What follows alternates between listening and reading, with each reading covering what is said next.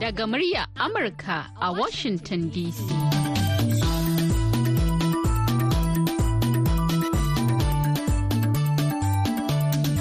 To jama'a barkanmu da sake saduwa da ku a daidai wannan lokaci. Shirin yau da gobe ne kuke saurara daga nan sashen Hausa na murya Amurka a birnin Washington DC. Akan mitoci 25 da 31 da kuma 41. Ana kuma iya kama mu a birnin Yamai na jamhuriyar Nijar a VOA Africa kan mita 200.5 zangon FM. Sai kuma wasu tashoshin na zangon FM a jamhuriyar Nijar da suka hada da rediyo amfani da sarauniya da kuma niyya. A can kuma sai ƙasar Ghana kuma za a iya kama mu ta Alfa Radio. Sannan za a iya ji yanar gizo a voahausa.com ko kuma sashen hausa.com. Ni Zahra Aminu Fage zan gabatar da shirin.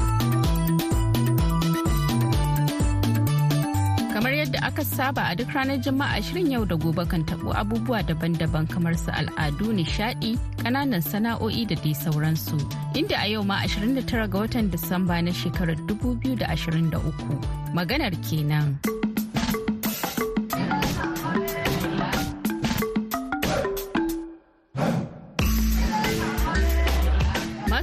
Mu a cikin shirin namu na yau na samu tattaunawa da wani dan kasuwa daga Najeriya yayin wata ziyara da ya kawo ofishinmu inda ya yi mana karin haske akan muhimmancin yin sana'a musamman ma ga matasa.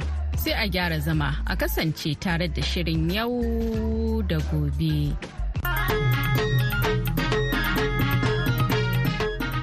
Daya daga cikin matsalolin matasa a Najeriya shine rashin aikin yi. Akan wannan matsala na tattauna da Nuruddin Abubakar ɗan kasuwa kuma wanda ya kware akan media buying.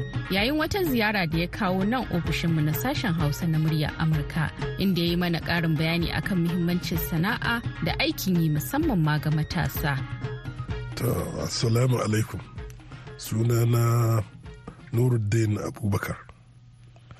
Uh, ni zan iya cewa ni dan kasuwa ne ni dan midiya ne ni manomi ne. Ta ni dan dan gini ne. Zan iya cewa ko real estate ne ko gini yadda dai ake kiran shi. So me wani irin karin bayani za ka yi mana akan irin kasuwancin da kake yi? Well uh, kasuwanci ina yin shi a fanni kala da kala. Mm.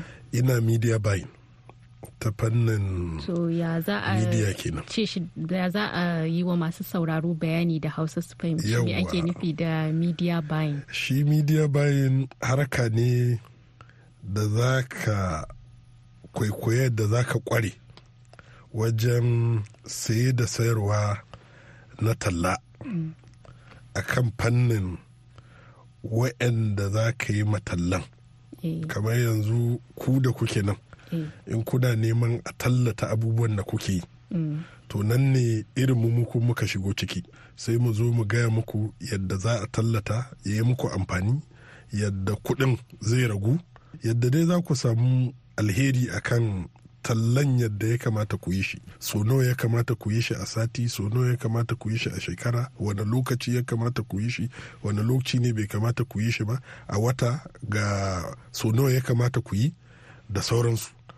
To nan ne muke yi sai mu tallata kamar abubuwa da suka ƙunshi harkar cinikayya na sayar da jari. Ko kuma sayar da wani abubuwan kasuwanci. Bisa ga yadda su waɗanda ke son su sayar suke son sayar da shi. Su mu muna ƙara ma sayarwan fa'ida ne. So kamar uh, masu sauraro yadda za su fahimta kuna tallata um, ko kasuwancin wani ko aikin wani. Yawa yawa so idan misali uh, wani yana so ya fara irin wannan kasuwancin ta yaya zai fara ko wani irin horo ya kamata ya je samu? Eto uh, asalin gaskiya usually yakan fara ne daga lokacin da mutum ya je makaranta. Mm. a fannin makaranta ko ka je ne ka karanci haraka na media. Amma in ma ba haka ba ko me ka karanta in ka nuna kana da kwaɗayin irin wannan irin harkar kasuwancin na media buying kana iya zuwa ka je ka yi rajista da apcon advertising practitioners council of nigeria. Uh, su ne suke da uh, ƙarfin su yi rajista inka su ne hukumar da suke yes su ne hukumar da za su yi rajista naka mm. su baka certificate bisa ga ka'idodi wayansu za ka rubuta jaraba wayansu kuma takaddunka ne da za ka bayyana musu. Za su nuna cewa ga level inda ya kamata a ajiye ka. So za ka fara a level level ne za ka fara. So daga nan ne in ka gama wannan aka baka takaddu kana iya ka riƙa training. Akwai modules na training da za ka shiga. In ka ga dama kana iya yi da apcon din wanda za su in suna da training za ka je don ka kara ma kanka ƙarfi don ka san abin da kake wayansu kuma kana iya zuwa ka je ka samu inda ake da wani advert consultant sai ka je ka yi joining din shi sai ya riƙa koyar da kai yadda abubuwan ke tafiya har ka zo kai ma ka kure so kamar um, yanzu misali a najeriya yadda akwai matsalolin tattalin arziki sannan kuma akwai matsalolin da uh, matasa suna nan ba su da aikin yi. Wasu da yawa sun gama karatu wasu kuma ba su samu sun gama karatun ba amma ba su da aikin yi. Su wani irin kira ko kwarin gwiwa za ka iya ba matasa? Wannan angul inda kika taba ya so samun inda ke min kaikai don asalin gaskiya ba inda za a ce a duniya babu challenge na tattalin arziki. Na kuma najeriya ni ina ganin najeriya akwai matsalar tattalin arziki amma ba yadda mutane suka fahimce shi ba. Mu abin da ke damun yadda za a yi mutane su san cewa muna da arziki yadda za mu sarrafa wannan arzikin shine matsala na ɗaya da ke damun don in ka duba za ka ga mutane daga ƙasar waje da yawa sukan zo najeriya su yi business ko su nemi yadda za su nemi tattalin arziki. Sai ka ji mamaki kuma suna samun hanyoyin nan suna ci gaba suna samun alheri. To mu waɗanda ke nan meye matsalar mu? To matsalar mu ina ganin zan iya cewa ya fara da yadda gwamnati za ta yi ta taimaka ma uh, youth. Daga makaranta ana da reliance upon in kai karatu. Takaddun makarantanka su ne za su fidda kai. Amma in ka duba duniya gaba ɗaya har da ƙasashe irin nakunan da suka yi gaba ba haka abin yake ba. Sai ka ga mutum nan ya ɗanyi ɗan course ɗin shi ɗan training ɗin shi. Wannan training ɗin a kullum yana upgrading kanshi kuma yana samu yana cin abinci yana kula da bukatocin shi. Nan in mutum kafinta ne za ka ga ba zai tsaya a kafinta ba ne kawai zai riƙa upgrading kanshi. In yana using hama da kusa a hankali zai bar using hama da kusa zai riƙa using machine ɗin nan mai murda screw. A hankali a hankali zai moving to another level na abubuwa. Amma mu namu ba a tunanin yadda za a ci gaba. Sai dai ana nan inda ake. To nan ne ina ganin shine mu na farko. Vocational training shine very important da ya kamata Najeriya ta yi focusing upon. Don vocational training yana da ƙarfin fidda mu daga halin da muka samu kanmu akwai youth da yawa masu ideas masu focus amma sai ka ga ba inda gwamnati za ta tallafa musu true vocational training ɗin nan su san horo a sana'o'i ayyuka yawwa shi eh. to wannan horon mm. shine ba a cika ba shi kula ba duk inda ka yi tunani yau duk abin da ka yi tunani na rayuwa. Yanzu ba ana cewa ana motoci ba da ake using da wuta? Wutan lantarki. Eh. ya aka yi aka samu irin wayannan motocin? Ai yara ne 'yan makaranta wayanda suke da fasaha suke da tunani shine suka yi wannan tunanin. Gwamnati ta tallafa musu. Mutane masu hannu da shudi suka tallafa musu. Aka zo har yanzu ana ƙoƙarin revolutionizing yadda za a yi tukin mota. Kawai in motan ka batir ya ɗanyi sanyi ko ya ragu sai a je a yi caji. To amma in an duba daga asali daga ina abin ya fara. Nan najeriya mun taɓa an taɓa yan pounder abin daka doya. To wanda aka ce ya asalin daka doyan nan sai ka ga abin ba haka yake tafiya ba. Daga baya da ya yi wannan tunanin ya kasa samun tallafi aka ce sai je wani ƙasa sai suka tallafa mai. Sai daka doyan kuma ya alfahari. Daga baya aka je ana sayan shi abin daka doyan mashin ɗin daka doyan. Har ya yi tsada wajajen kullum kowa na yi ta sai yana amfani da shi. To ina ganin gwamnati ne ya kamata ta tashi ta tashi tsaye. So da, da, ka ce uh, mutane daga ƙasashen waje suna zuwa najeriya suna yin sana'o'i kuma suna samun kuɗi. So masu sauraron wasu za su ce to ai ta ya za a yi su samu jarin da za su fara sana'o'i ko rashin jari ne ya hana ni yin sana'a? Eto shi ba wannan yana da alaƙa kala-kala. Don yanzu in ka ce ko me za ka yi in ka ce za ka yi dole sai kana da jari. To wannan tallafin na jari shi ya zama muna matsala sosai.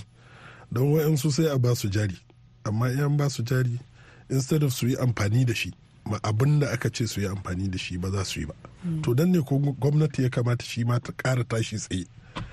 Wa'annan jarin da aka baka na ka yi aiki ne na yadda kai in ka fita daga wannan halin za a iya taimaka ma wani shi ma ya fita daga wannan halin.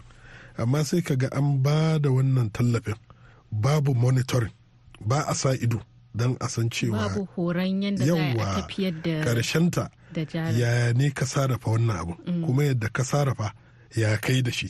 Ni ina da tunanin cewa akwai abu da najeriya ke da yake da fa'ida sosai. Shine wannan nysc da ake yi. Uh, a wajen nysc bautar ƙasa. Bautar ƙasa. Mm. instead of ka riƙa tunanin cewa ya za ka yi ka gama aiki ka je ka nemi aikin gwamnati. Gwamnati ya kamata ta shigo ciki. Lallai lallai lallai a yi focusin a canza ma mutane aƙida na aikin gwamnati. A mayar da aƙidan yadda za su yi su in za su fito daga wannan horon ƙasan.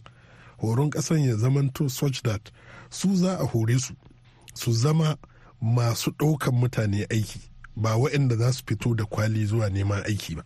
Kuma ya za a fara wannan?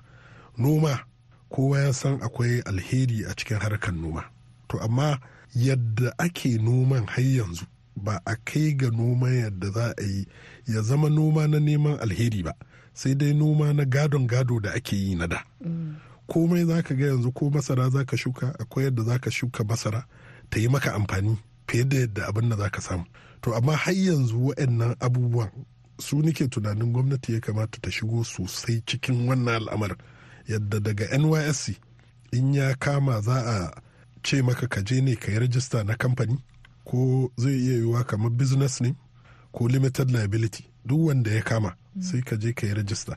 Daga wannan rajista da wa'annan takardun kamfaninka. Ka je a yi maka garanto ka je ka karɓi bashi a inda ake karɓan bashi na noma. In ka karɓa kafin wannan kai ya zamanto cewa gwamnati ta sa maka hannu.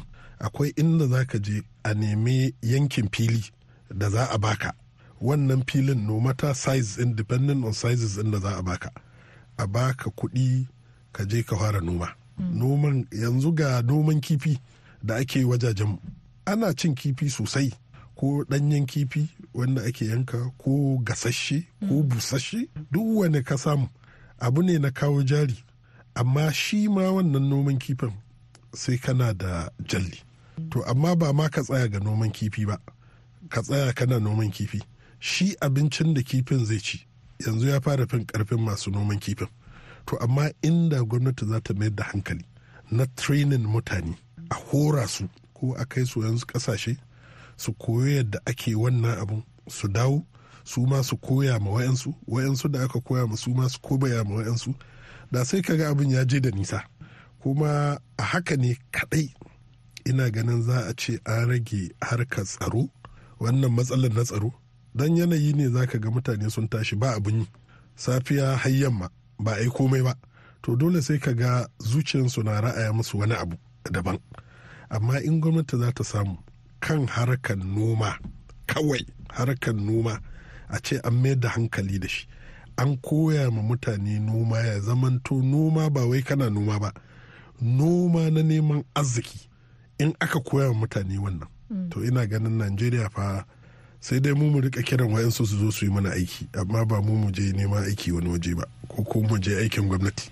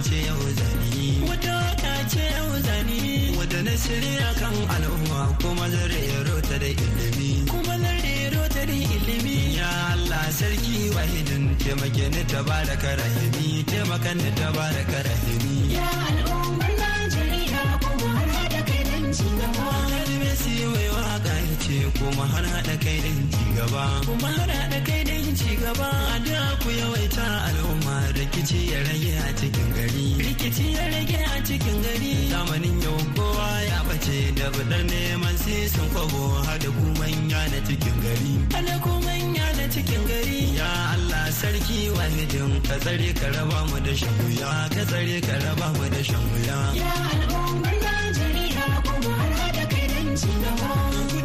Sharar duniya wanda sha wuya. Wanda duk ya biye su ya sha wuya. Wanda ko ya biye masa zahiri zai kasance kan halin wuya. Zai kasance kan halin wuya. Su raba ka da dangin ka kabutun da ka masa kamun gaskiya. Madalla jama'a masu sauraro har yanzu dai ana tare ne da sashen Hausa na murya Amurka a cikin shirin yau da gobe. Da fatan dai kuna jin daɗin shirin namu na yau. Yanzu kuma za mu koma zauren namu domin jin ci gaban tattaunawar mu da Nuruddin Abubakar inda na tambaye shi akan wani irin kira zai yi ga iyaye akan muhimmancin ilimin 'ya'ya mata. eh wannan kuma shi ma abu ne da ya addabe mu sosai.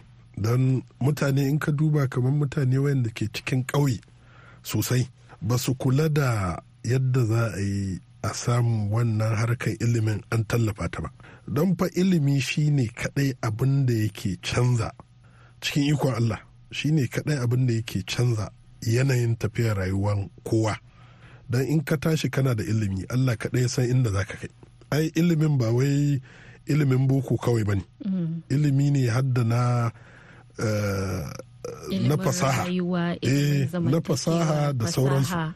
To in. Allah ya taimake ka kana dan samun budewar wannan irin ilimin Allah kaɗai san inda za ka kai. So kira na da nake yi ma gwamnati da mutanen a yi ƙoƙari a mayar da hankali. Shi ilimi duk yadda za a yi a sarrafa shi ya zamanto in ka haifi ɗa ka rufe ido. Wannan me ake kiran shi ne jalli ne investment ne Eh, kake yi. Ko kai bai yi maka amfani ba zai yi ma wannan ɗan da ka haifa zai yi mai amfani. Kuma shi amfani zai amfani iyalan shi zai amfani al'umma karkab. Kakka yi tunanin wai kashe kuɗi yarinya in ka haife ta ta girma aure za ta yi ai al'umma ake tunani. Don akwai eh, maganar da ake cewa in ka koyar da yarinya karatu ka koyar da al'umma ne. So matanmu yanzu ina ganin sun dan tashi tsaye. Don a kullum abin da nake so a yi la'akari da shi ne. Jiya ba haka muke ba. Yanzu abubuwa sun canza kuma muna fatan za su ƙara canza. Akwai kira da nake yi ma mutanen gwamnati. A kullum a riƙa tunanin yadda za a canza abubuwa bisa ga yadda suke da. A canza su. Duk wani ƙari da kai mata ko kaɗan ne at least ka dai ɗan yi ƙari. Kakka zo ka riƙe kujerar mulki kai baka yi ƙarin komai ba kuma ka sauka haka nan baka ƙara wani abu ba al- al'ummar da ka samu. To ina ganin ya ka tafi a haka lallai za mu ci nasara za mu samu galaba abubuwan da ke addaban a wajenmu najeriya insha Allah. To bari dai um, mu karkare akan matsalolin ko in ce kafafen sada zumunta. Yawanci uh, yanzu kusan kowa ya raja'a da su. Um, wasu suna harkokin kasuwanci wasu kuma kawai suna yi don nishadi ne. To um, da yawan matasanmu yanzu suna amfani da waɗannan kafofin ne suna abubuwa na rashin tarbiyya na rashin ɗabi'a. Kalilan daga cikinsu kuma suna amfani da shi wajen neman kuɗi ko kasuwanci ko wani abu. To wa- wani kira za ka yi wa ga matasanmu duka maza da mata akan kafofin sada zumunta? To ala hali wannan abin da ka faɗi haka abin yake. Don matsala babban matsala da ke addaba akwai tun ina yaro na fahimci cewa a lokacinmu muna karanta me ake kira wayannan littattafan da ake kira novels. A nawa fahimtar in ka karanta littafi da aka rubuta a amurka tamkar ka bar ƙasar da kake ka shiga amurka ne. Don tunanin wanda yake amurka shine addabe cikin wannan littafin. Yadda zai kalamanto shi yadda zai rubuto shi ɗabi'an wajen shine zai ɗauka a cikin littafin. So a lokacin muna yi ma Allah godiya. Kowa ɗan makwabcinka ɗanka ne kana iya mai tarbiya amma ba haka abin yake ba yanzu. Amma kira da nake da babban murya ita gwamnati ya kamata ta shigo cikin wannan al'amarin a yi regulating in wannan al'amarin. Akwai ƙasashe waɗanda sanin abubuwan da za su faru nan gaba. Sun riga sun kamar akwai uh, lokacin da majalisa ta yi ƙoƙarin cewa ya kamata a shigo gwamnati ta shigo ciki ta ga yadda za ta yi ta sassaita al'amuran da ake yi a kafafen sada zumunta da waɗanda ake watsawa. Kamar uh, masu hawa suna cin zarafin wasu ko suna yada labaran ƙarya. So amma mutane da yawa sun zo sun yi ta sukan lamarin suna cewa za a hana su 'yancin faɗin albarkacin bakin su. Ai to shi yasa gwamnati take gwamnati. Don da duk ta yi yunkurin yin abin alheri ko abin da ya kamata ta yi ya kamata ta fara da fa- fahimtar da mutane. Ina ganin yanayin fahimtar da mutanen ne wataƙila ba a fahimtar da su yadda za su gane ba. Amma kowa yanzu ya sani akwai wayanda za ka ga sun tashi daga safe har yamma. Ba wani abu da suke a shi wannan kafar sada zumunci in ban da shirme da sakarci. To amma akwai wayansu kuma wayanda suna amfani da shi don taimaka ma kansu su koyi abubuwan da ba sani ba su yi abubuwan da za su yi za su kawo musu fa'ida. Amma ga waɗanda ba su amfani da shi gaskiya abin ya kai inda ya kai. Don a yanzu yara sai ka ga yaro shekara sha ɗaya sha biyu sha uku bai da wani abu da ke ja mai hankali kamar wannan social media to ko a lokacin nan ne ya kamata a ce yaro ya mayar da hankali a karatu. Don in ya samu wani distraction sai ka ga abin yana in fact ni ina ganin gwamnati ta bata lokaci ne tana wani bebe. Akwai yadda gwamnati za ta yi ta shiga cikin wannan al'amarin don a samu. So su kuma iyaye ta ina za su shigo domin su taimaka ma 'ya'yansu eh, iyaye a kullum ka riƙa tunanin yadda za a yi yaronka ya zamanto zai zama mai ake cewa eh, shining example to dan al'umma. dan ƙasa na gari. Yawwa ya zama ɗan ƙasa na gari ga al'umma ga kowa. Don in har baka kai ga haka ba to ina ga baka cimma gurinka ba as, uh, as a parent. Don abin da ya kamata iyaye su yi akwai yaro a ƙiyasce lokacin da in ma akwai shekara da ake ganin yaro ya kai mallakan kanshi da zai iya harka da irin wa'annan abubuwan in ko ba haka ba akwai abin da ake kira parental guidance. Duk abin da za ka sai mai na amfani na ci gaba to dole a sa wannan abin da zai iya limitin inda zai iya shiga da inda ba zai iya shiga ba. Don ka wata rana ya zama maka matsala. Don wani lokaci in ka ga ya je ya koyo wasu abubuwa ba za ka yi tunanin wajajen suna da nisa ba. Daga wajen ne. Ko ƙaramin yaro yanzu sai ka ga ya je yana wake-wake ko yana tsalle-tsalle ko yana faɗace-faɗace. In ka duba sai ka ga daga wannan exposure ne da yake samu na irin wayannan abubuwa. wayanda ba haka suke ba a lokacin. To amma duk da haka ba abin da bai da magani. Komai ka gani akwai yadda za a sarrafa shi ya yi ma mutane alheri.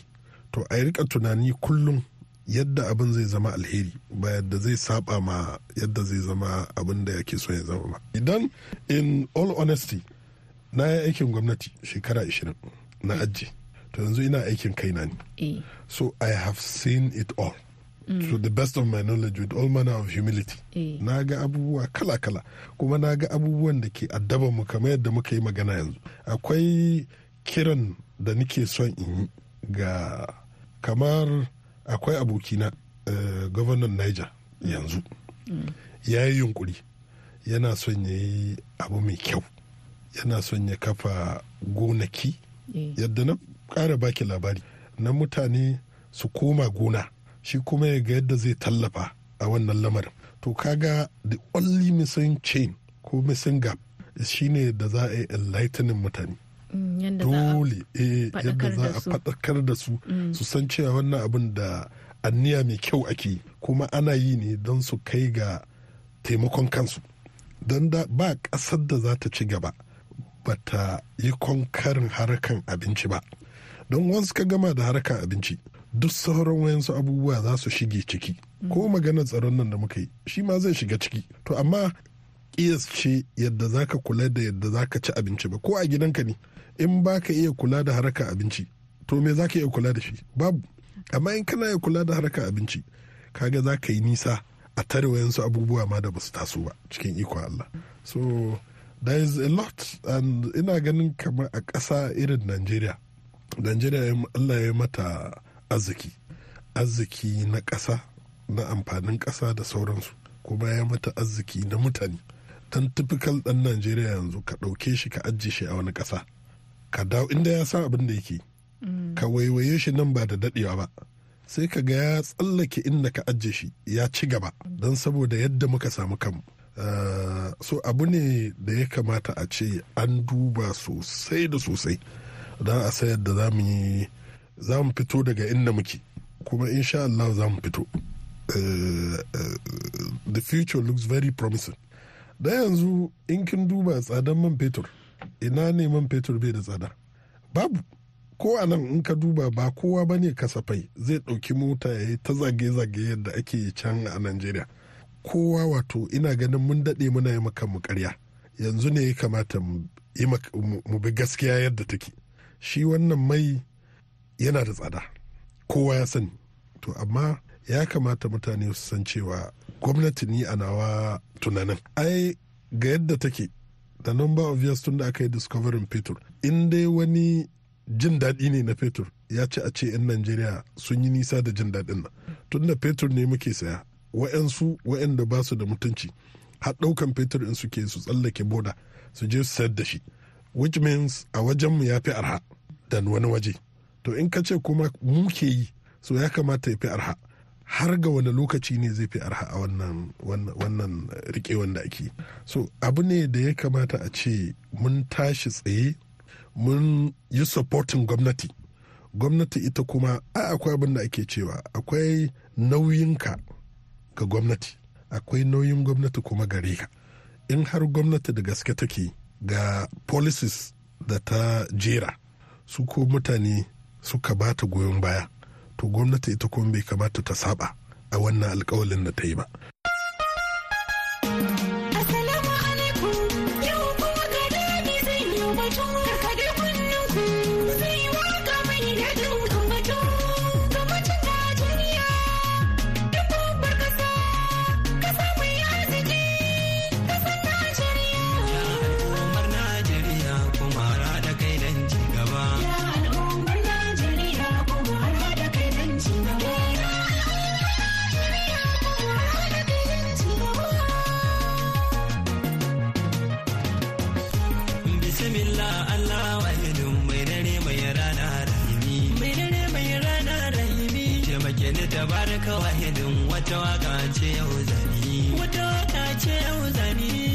Shirya kan al'umma kuma zare rota da ilimi kuma zare rota da ilimi ya Allah sarki wahidin taimake ni tabaraka rahimi Masu sauraro a nan kuma muka kawo ƙarshen shirin namu na yau. A madadin wadda ta daidaita mana sauti kuma ta haɗa shirin baki ɗayansa wato Julie Leathers Gresham da dukkanin abokanan aiki da suka ba da gudunmawa a cikin wannan shirin. Ni Zahara Aminu Fage daga nan birnin Washington DC nake sallama da ku a yi hutun ƙarshen mako lafiya. Amurka